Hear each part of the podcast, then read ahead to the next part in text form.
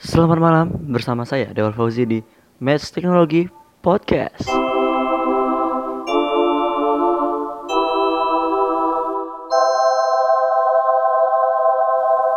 Apple pada 3 Juni lalu secara resmi mempensiunkan toko digital iTunes dan memilih mengembangkan konten digital baru.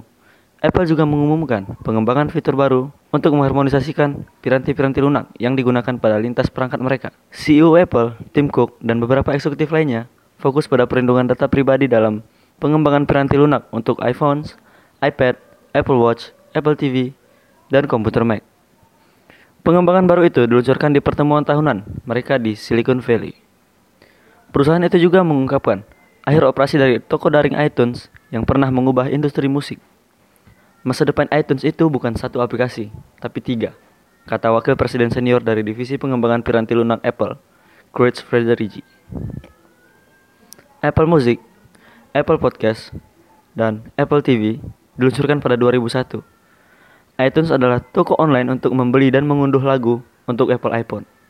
Sejak saat itu, gaya hidup penduduk dunia telah berganti pada layanan musik dan televisi berlangganan, video atau podcast. Perubahan ini juga didorong oleh perkembangan koneksi berkecepatan tinggi dan juga teknologi penyimpanan daring yang kapasitasnya semakin besar. Apple kini tengah memprioritaskan penjualan konten dan layanan digital untuk audiens global yang menggunakan perangkat-perangkat mereka.